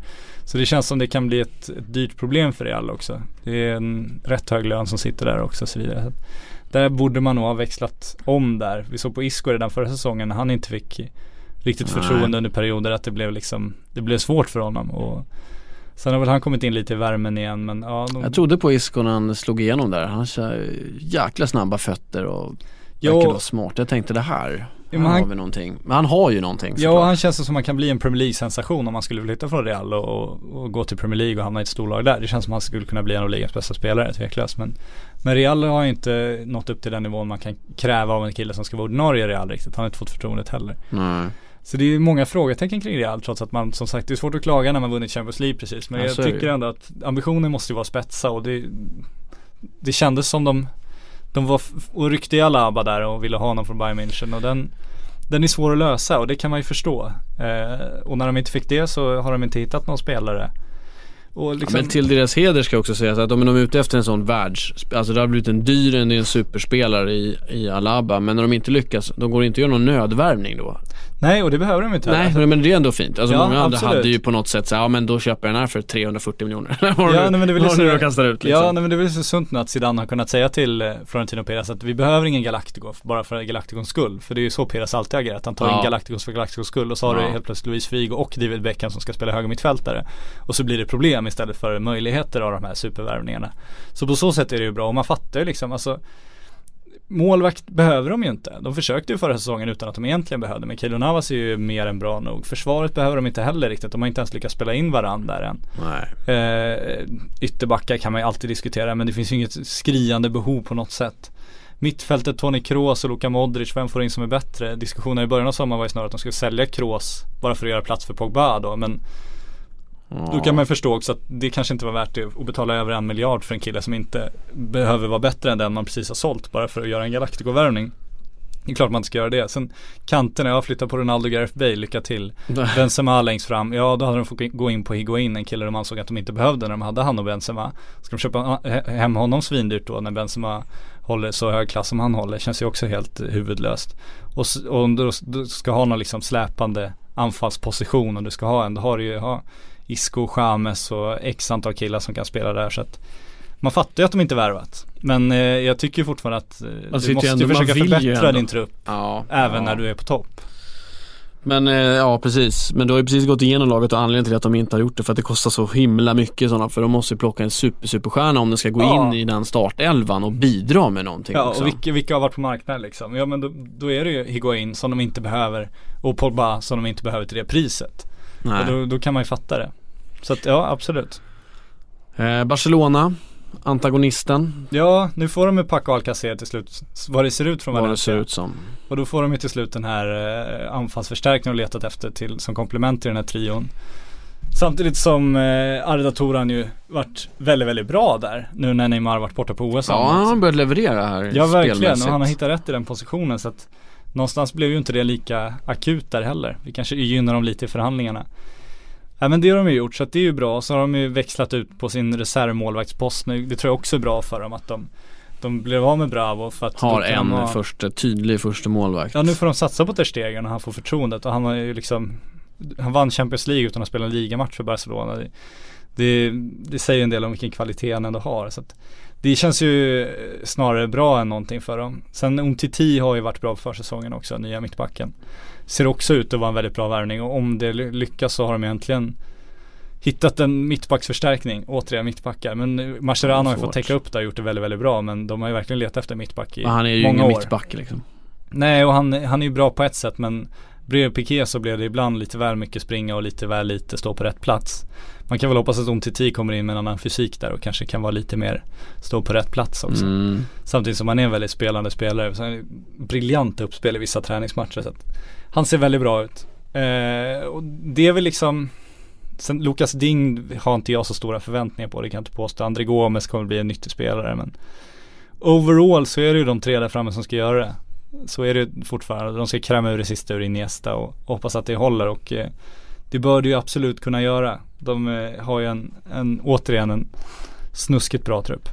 Ja, det har de ju. Det är det, det går inte att komma ifrån. De, är, de har ju ganska bra offensivt också. ja, och det man får ju hylla dem för att de lyckas hålla i Neymar som är Alltså hålla i och Barcelona ska ju kunna hålla vem de vill men samtidigt har Neymar fått spela andra fiolen trots att han förmodligen är världens starkaste varumärke just nu och sånt Ja. ska man inte underskatta och det känns, finns Men han verkar ju konstigt nog ändå tycka att det är okej. Ja han trivs ju där och jag, jag tror att så länge Messi levererar så kommer det inte vara några problem Men om Messi Nej. börjar halta lite och Neymar kommer upp och det blir någon slags tjurfäktning där Då får de ju välja om de ska vara trogna eller om de ska satsa på det nya Ja, så är det ju. Men så det länge de känns som krämer båda så Känns på något sätt som man ändå eh, tycker att det är skönt att inte bära hela laget, vilket han gör nästan i Ja, I landslaget så är det ju, det är ju bara en person allt riktas på. Han ska göra, då är ju han det som Messi är he- hela tiden. Så det kanske är ganska skönt att inte behöva vara den som hela tiden ska levereras. Jag får följa Leverera. hemma-VM och hemma-OS. Ja, de har haft lite det har blivit nu. lite extra intensivt. Så Det gick ju absolut, bra nu under OS. andas lite. Nu gick det bra OS. Nu kunde han vara nationalikon och komma hem och fick lite förlängd semester. Så. Han svettades nog efter de två första matcherna Mm. 0-0-0-0 och eh, bara tänker på VM. Det var, ja, usch usch. Eh, du John Guidetti Ja, eh, i eh, Celta det har Vigo. gått åt helvete igen. Ja nu har det ju, det, det såg ut som att det skulle bli lite öppningar här när, eh, Nolito såldes ja. precis. Men så har man plockat in eh, förstärkt. Nu, nu sägs det, jag har inte sett några försäsongsmatcher, men det sägs att John Guidetti inte har varit superbra på försäsongen. Nej. Eh, och att eh, de Spelade kanske, sist när de fick rotera lite.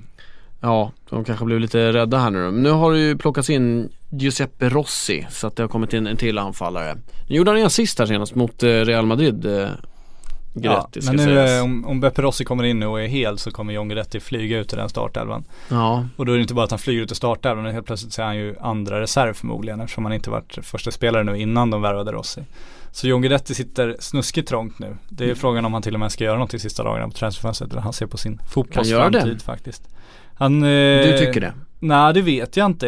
Jag tycker jag tycker det var oroande att han inte imponerade under försäsongen. Man känner ju honom som ett träningsfreak liksom. Och Ja. det påstås att han såg tung ut, att han inte kom i form. Och han ser ju tung ut på liksom Han ser tyngre ut än tidigare. Jag tycker att han tappar lite speed. Han ser liksom tung ut i kroppen. För mycket muskler kanske?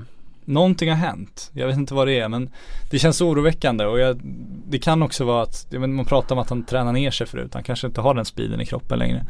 Han kanske är lite sliten till och med. Men någonting är, har hänt och det är oroväckande och just nu kommer han inte få spela jättemycket fotboll i Celta Vigo vad det ser ut och då får man ju ändå fundera på vad det finns för alternativ i alla fall. Väldigt dålig timing i sådana fall att tappa eh, form och fysik nu när det var ja, men upplagt för att han skulle få chansen. Ja, chansen där och hade han fått chansen i Celta Vigo och gjort, han har gjort det bra när han väl fått chansen. Det har Det ska man ju verkligen säga. Och han hade kunnat jogga in i landslaget i så fall för att det finns ingen bredvid Berg som imponerat. Så att, och med ett löpande lag som Jan Andersson vill ha, för att är det något John Guidetti gör, även fast jag inte tycker att han ser så lätt ut längre, så är det att han löper. Han är ju rivig. Ja, så att han är ju Jan Anderssons drömspelare i ett svenskt landslag. Så hade han tagit chansen nu för säsongen och verkligen gjort det bra, då hade de förmodligen inte värvat Rossi och då hade han förmodligen varit en Sveriges ledande anfallsspelare nu kommande året. Nu blir det jobbigt och Det man vet inte vad det beror på att det har blivit så här men nu är det nästan så att han borde se sig om. Alltså han borde i alla fall ta in sina alternativ och se vad han har att välja på. Vad har han för alternativ månne? Ja det är ju det som är tveksamt. Har han fått borde, några förfrågningar? Holland är väl där och Feyenoord är väl alltid där? Holland finns väl alltid, jag tycker i den positionen han är borde han kunna Mm. lösa en utlåning till ett, ett spanskt mittenlag, bottenlag också. Sen får man värdera vad det hade gett honom. Det, det är väl det han får tänka på. Speltid. Ja om det, men om det är en fungerande klubb eller om det är liksom Ja, Men det Ja, hade han nog kunnat få.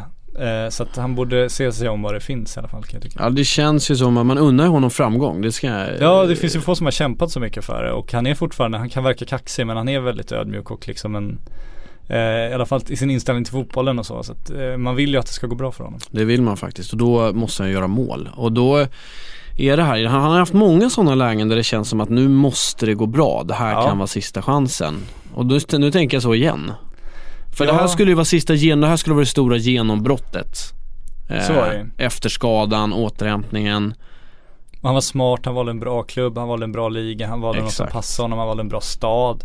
Allting var väldigt smart gjort. Sen har det inte fungerat bara. Det, det kan ju inte vi veta när vi sitter här i det här gubbrummet för- och för- röker cigarr och käkar gubbröra. Nej, liksom. förra säsongen, ja, då hade han ju otur. Han, han kom ju dit och sen så maxpresterar ju Alltså Nolito gör ju Ja, det sin ju. säsong eh, bästa någonsin. Absolut, samtidigt fanns det tre platser att slåss om. Så Men då var han, jag tror att han då ändå var tänkt att han skulle vara en av rotationsspelarna och att liksom Ja. försöka få in honom. För de, han var ju inte helt hundraprocentig när han kom dit. Han, han kunde ju inte göra 90 minuter bra. Nej, Det visste det- de ju också. Ja absolut, Så jag men tror han kan ju tänkt också till här, den här säsongen. Ja, men man kan ju också prata om otur men samtidigt kan man ju prata om, är det inte spelare som Nolito och Iago Aspas han ska konkurrera med nu då? Är det inte de han ska vara bättre än nu? Så att, ja det var ju otur att det fanns så bra spelare, ja fast han ska ju vara bättre än dem.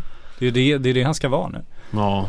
Så då är frågan om han ska växla ner en nivå eller om han ska gå på utlåning och, Ja, nej han har några intensiva dagar tror jag, jag tror han har en del att fundera på. Ja, han och hans agent får uh, sitta och fnula lite. Ja, Hoppas han gör det då. Ja, det är väl någonting vi kan följa lite helt enkelt. Ja absolut, han är ju på landslagslägret nu i alla fall, sitter på Parkhotell i centrala Stockholm just nu. Han är lätt att Funderar. prata med. Ja, samtidigt som hans fru är höggravid och väntar barn och han kan behöva Precis, åka när som helst. det var när som va? Händer mycket i Johns liv just nu. Ja, men det gör ju å andra sidan att man oftast inte vill göra nya förändringar Så är det. Så att han kanske stannar kvar i Celtic. Han är dock, det ska också sägas, han är ju oerhört uppskattad av fansen i Ja, Celta. Vigo. Så Ja, där ja. har han ju redan Där har han, där har han alltid varit smart. Ja, det, han är bra på att spela på fanses. Jag vet inte om, han gör, om det är något medvetet eller om han helt enkelt bara är sån. Han började ju med det redan innan han ens fick Ja, ett professionellt Så kontrakt. han är nog inte så att- cynisk i sin Nej det tror jag absolut inte. Däremot så är han ju en person som är, eh, som man upptäcker ganska snabbt och som är lätt att tycka om. Ja, men han bjuder ju på sig själv. Bjuder på sig, sig själv eh, och har liksom en 100% inställning till sin fotboll. Och visar på planen också vad han vill liksom. Så att eh, det är inte bara snack heller. Nej men och sen också skulle jag säga att det känns som han genuint gillar fans. Ja, jo men så är det ju. Så känns det absolut. Och han gillar uppmärksamhet, han gillar att stå i centrum. Det gör han ju, absolut. Och det är faktiskt väldigt, väldigt bra egenskap att ha. Det är bra, det har vi ju alldeles för få av i svenska landslaget. Så Ja, det, det är trevligt. Men vi kunde ju, ja Hans sång där, The John Guidetti sång Ja, spelas fram. den uppskattar han också. Det, det, det är jag övertygad om, han eh, twittrar om den i alla fall lite då och då. Eller instagrammar, nu ska Vi vi, måste till se. Atletico, du har inte varit där Nej, än, det var va? dit jag skulle komma till precis nu. Vad händer i Atletico? De behåller Griezmann, vilket jag inte trodde de skulle klara av. Ja, du trodde inte det? Jag trodde någon skulle köpa honom för att han var så bra, eh, dels förra säsongen och sen även under EM. Så Ja. tänkte jag att nu, det hade, jag- det hade jag kunnat tro att Real Madrid skulle gått in och göra bara för att de kan liksom. Från Atletico? Ja, för att Ja. jävlas också. Tror inte de hade kunnat det? Ja, de har ju onekligen inte gjort det, jag vet inte ens om de har försökt. Ja, nej. Ehm, men eh, eh, han är ju kvar, Han är ju kvar. så är det ju. Torres eh, har de ju förlängt med. Han är Ja, också kvar. han är kvar. Ja, han ju inte bärande. Ja, men de har ju fått Men in... Torres han har ju en perfekt roll där. Vadå? Ja men för, för honom Fans för han- favorit. Ja han är fans favorit. Han, kommer, han gör ju ändå mål ibland. Men Ja, det gör det är inte så att han är där för att, att han ska bära hela klubben. Nej, inte han, längre, han nej. kommer göra inhopp och behöva göra lite mål. Men jag tror att han kommer, jag tror det kommer gå bra nu så här. Det tror jag övertygad om. Ja, ja, han kommer väl nästan vara reserv nu med tanke på Gamero som jag antar startar. eh, Ja men det tror jag han har varit medveten om också Ja, ja, absolut, han eh, absolut. förlängde. Absolut, och om Gamero, om han kan nå den nivån, han har ju byggt sin karriär sakta, snacka om late bloomer kan man säga. Han var ju bra i Milan, eller Milan, i PSG innan Zlatan kom från Milan. Då var han bra där, sen flyttades han ju åt sidan, kom till Sevilla och det tog några år innan han verkligen fick fart på det. Förra säsongen var han ju riktigt bra, han var väl hela Europa Leagues bästa spelare nästan. Eh, han och Ever Banega fick väl slåss om den, den titeln. Mm. Men han var otroligt bra där och eh, fick sin flytt till Atletico efter att ha nobbat Barcelona för att han ville snarare spela än att sitta på bänken. Så att han kommer bli väldigt intressant. Sen har vi värvat Nicolas Gaitan också från Benfica som kommer bli en, en väldigt nyttig spelare för dem också. Där är det liksom en kvalitetsförstärkning också. Så de har ju, känns det verkligen som de har ett bättre lag nu. Det kändes som det var lite skört förra säsongen. Det kändes som Torres, Torres kanske hade lite, Lite större roll. roll. Ja, lite större roll än vad man tycker att han ska ha i det här skedet av hans karriär. Och nu tycker jag att Gamiro tror jag fortfarande man ska se lite som en joker. Jag är inte säker på att han går in och gör 30 mål i år. Men, men han har egenskaper som kan vara väldigt nyttiga. Framförallt i Champions League-matchen när de kanske hamnar lite lägre. Och de kanske vill kontra lite mer. Vilket kanske Torres Torres är väldigt bra på att löpa bakom backlinjen. Men, Ja.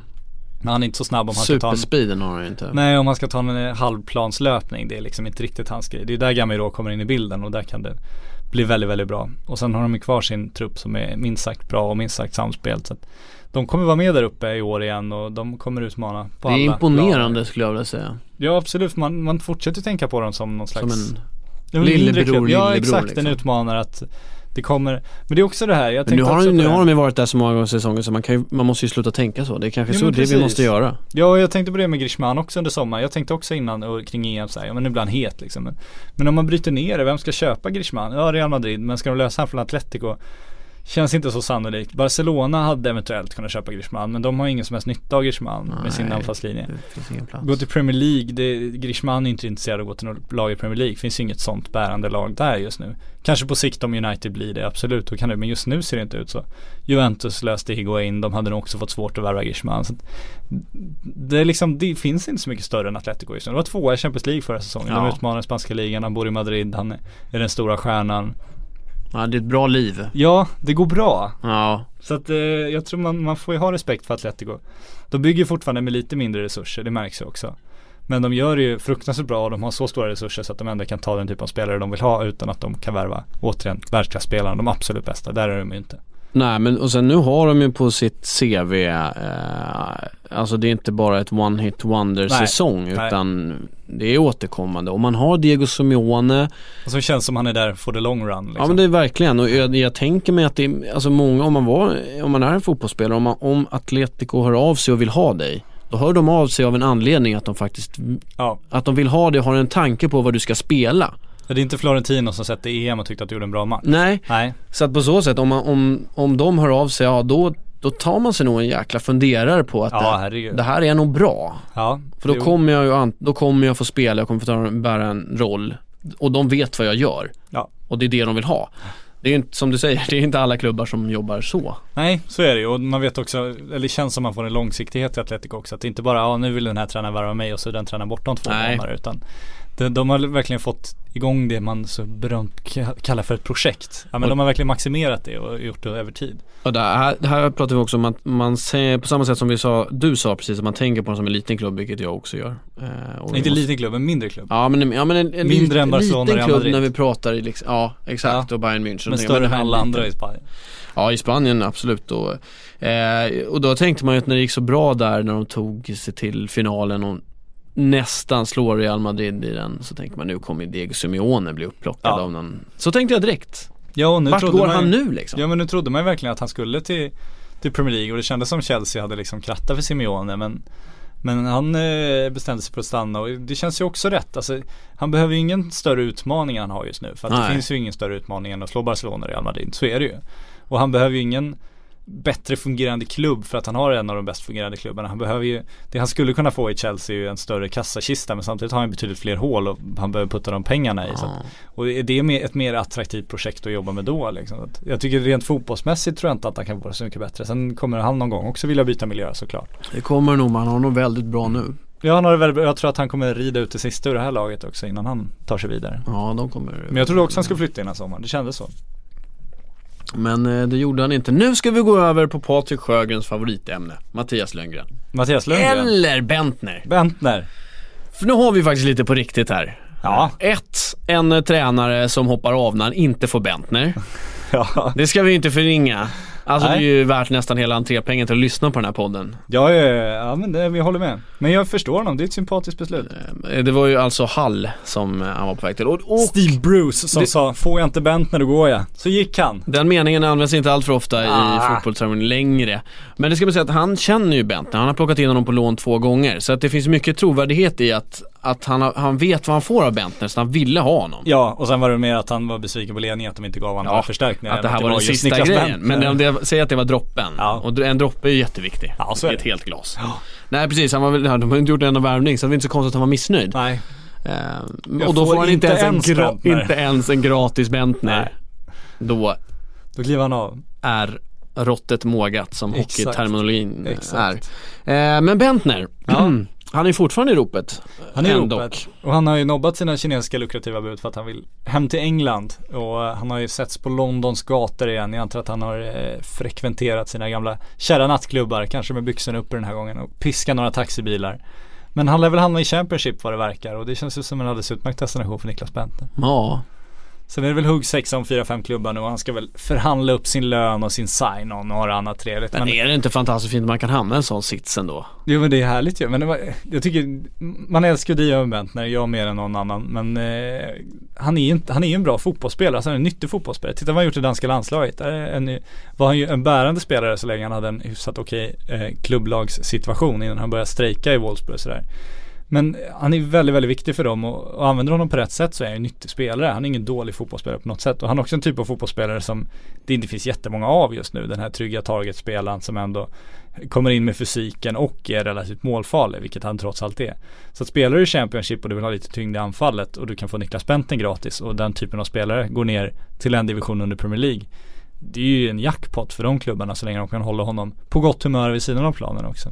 Ja men det är väl bara pizzor och alltså Pizza, jag vet inte hur mycket öl. Han åt mycket thai-mat i Wolfsburg råkar jag veta. Hade sin favoritställe Ja. in till centralstation där. Lite nyttigare, mycket kokossåser var det där. Alltså, Väldigt ser- bra käk var det där. Jag ser ju framför mig någon sån här film från någon dansk pizzeria där han Ja, är jo, inne och eh, han- gormar och Han vägrar betala notan för att han exakt. inte har med sig kreditkortet och skriker vem, vet du inte vem jag är? Precis, jag ser den framför mig och jag tänker mig att det inte är enda gången. Ja så är det, men han är, han är ju så professionell så att han till och med på fyllan slog sig in i ett gym för att han ville träna på natten. Så att det säger ju allt om inställningen till fotboll vad Niklas Bentner har. Ja, ja, mat och mat är ju viktigt, du måste bygga kolhydrater. Så. Alltså, för annars kan du ju inte träna. Så det kan ju varit så att det här bara var steg ett och sen skulle han ha gått och gymmat direkt efter. det ska man ju precis, inte Precis. förringa.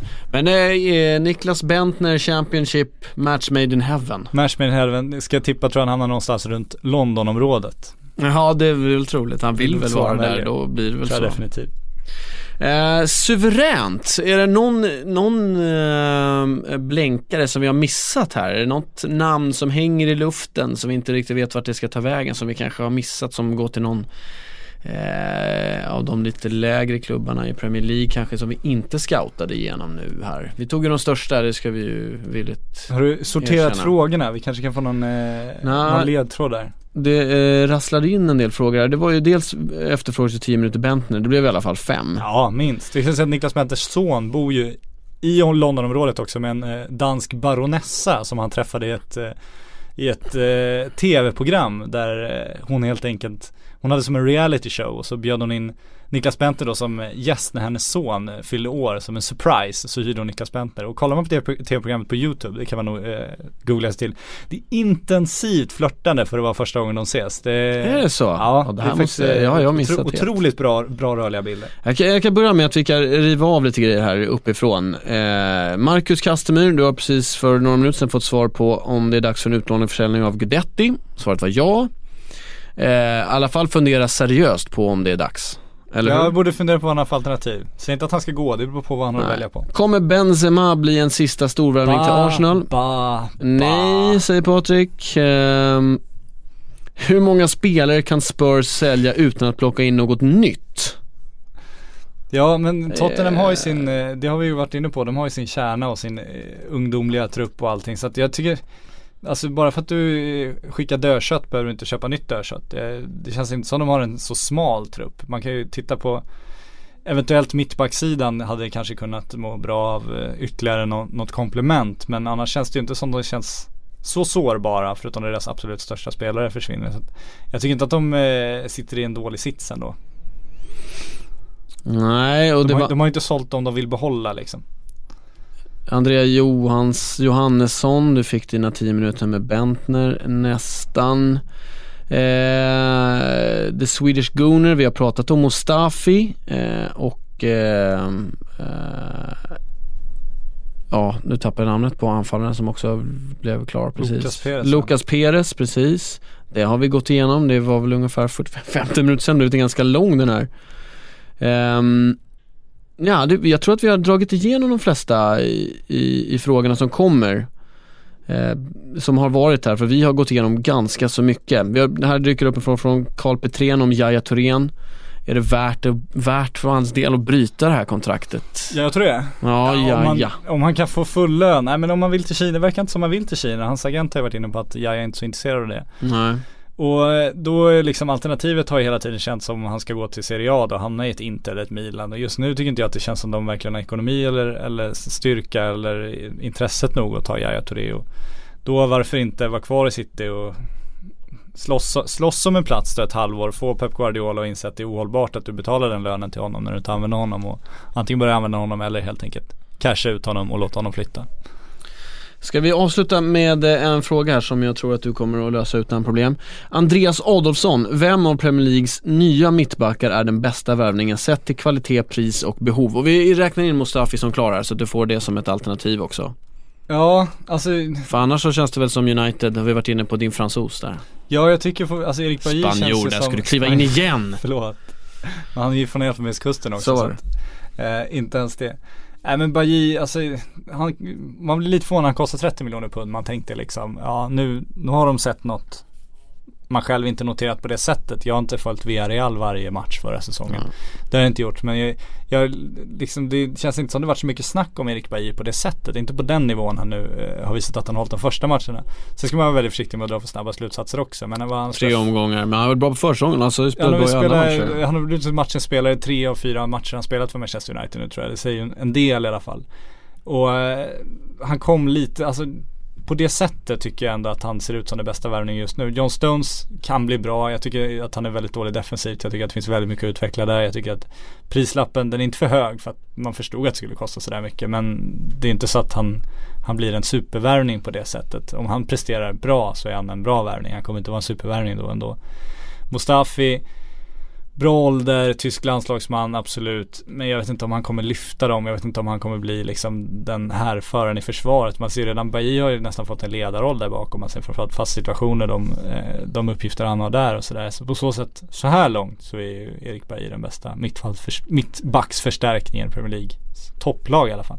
Så får Kalle Karlsson komma in med någon obskyr kille från de nedre regionerna Som har också. kostat väldigt lite. Exakt. Som levererar, överlevererar per pund. Exakt. Om vi har någon sån pound för pound mätning som eh, fighting-stilen har. Eh, men stort tack för att ni har lyssnat. Det här var sista inför transferfönstret. På onsdag som sagt var, då följer Vad ni händer med. på onsdag? Då stänger fönstret. Och vad gör vi då? Eh, Då sitter vi och pratar och är i visuella i bild också på sportbladet.se. Bara att följa hela sändningen från 18 fram till och förbi, över midnatt. Minst midnatt. Vi kan lova att eh, Erik Niva ska sitta alla sex timmar den här gången. Han, Mm. Jag vet inte om han vet om det själv än men eh, vi kommer nåla dit honom on the iron throne. Ja, här kommer han sitta fint och Ja, kunna fint och berätta om alla höger och gorma och beställa in mat och kasta godis och allt annat Erik Niva gör en, en vanlig onsdag i augusti. Och så köper vi en, en kötthamburgare från valfri eh, restaurang så att han blir vansinnig. Så det blir honom med. bra. Det blir bra, det blir bra Ja, TV. det blir fint. Men det är på onsdag. Eh, och eh, vi gör väl någon slags eh, uppföljningspodd här sen när allting är klart. Dock vill jag inte sätta något datum på detta. Då, vi, då ska vi ta in mer frågor dock. Ja, men Ännu det, för nu har varit lite dåliga men då, uppföljningspodden. då, Då är är, dåligt då är ju fönstret stängt så då kan Ja. vi bara med mm, Bara frågor kör vi. Frågor. Ja det kan Det vi faktiskt göra. Vi Ja. kör bara frågor i sista eh, som blir för den här säsongen då. Sen så kickar det igång senare. Men nu stänger vi det här. Tack för att ni har lyssnat. Eh, Det här blev ett ganska matigt program så att jag hoppas du har ett långt träningspass framför dig. Eller bakom dig. Hej!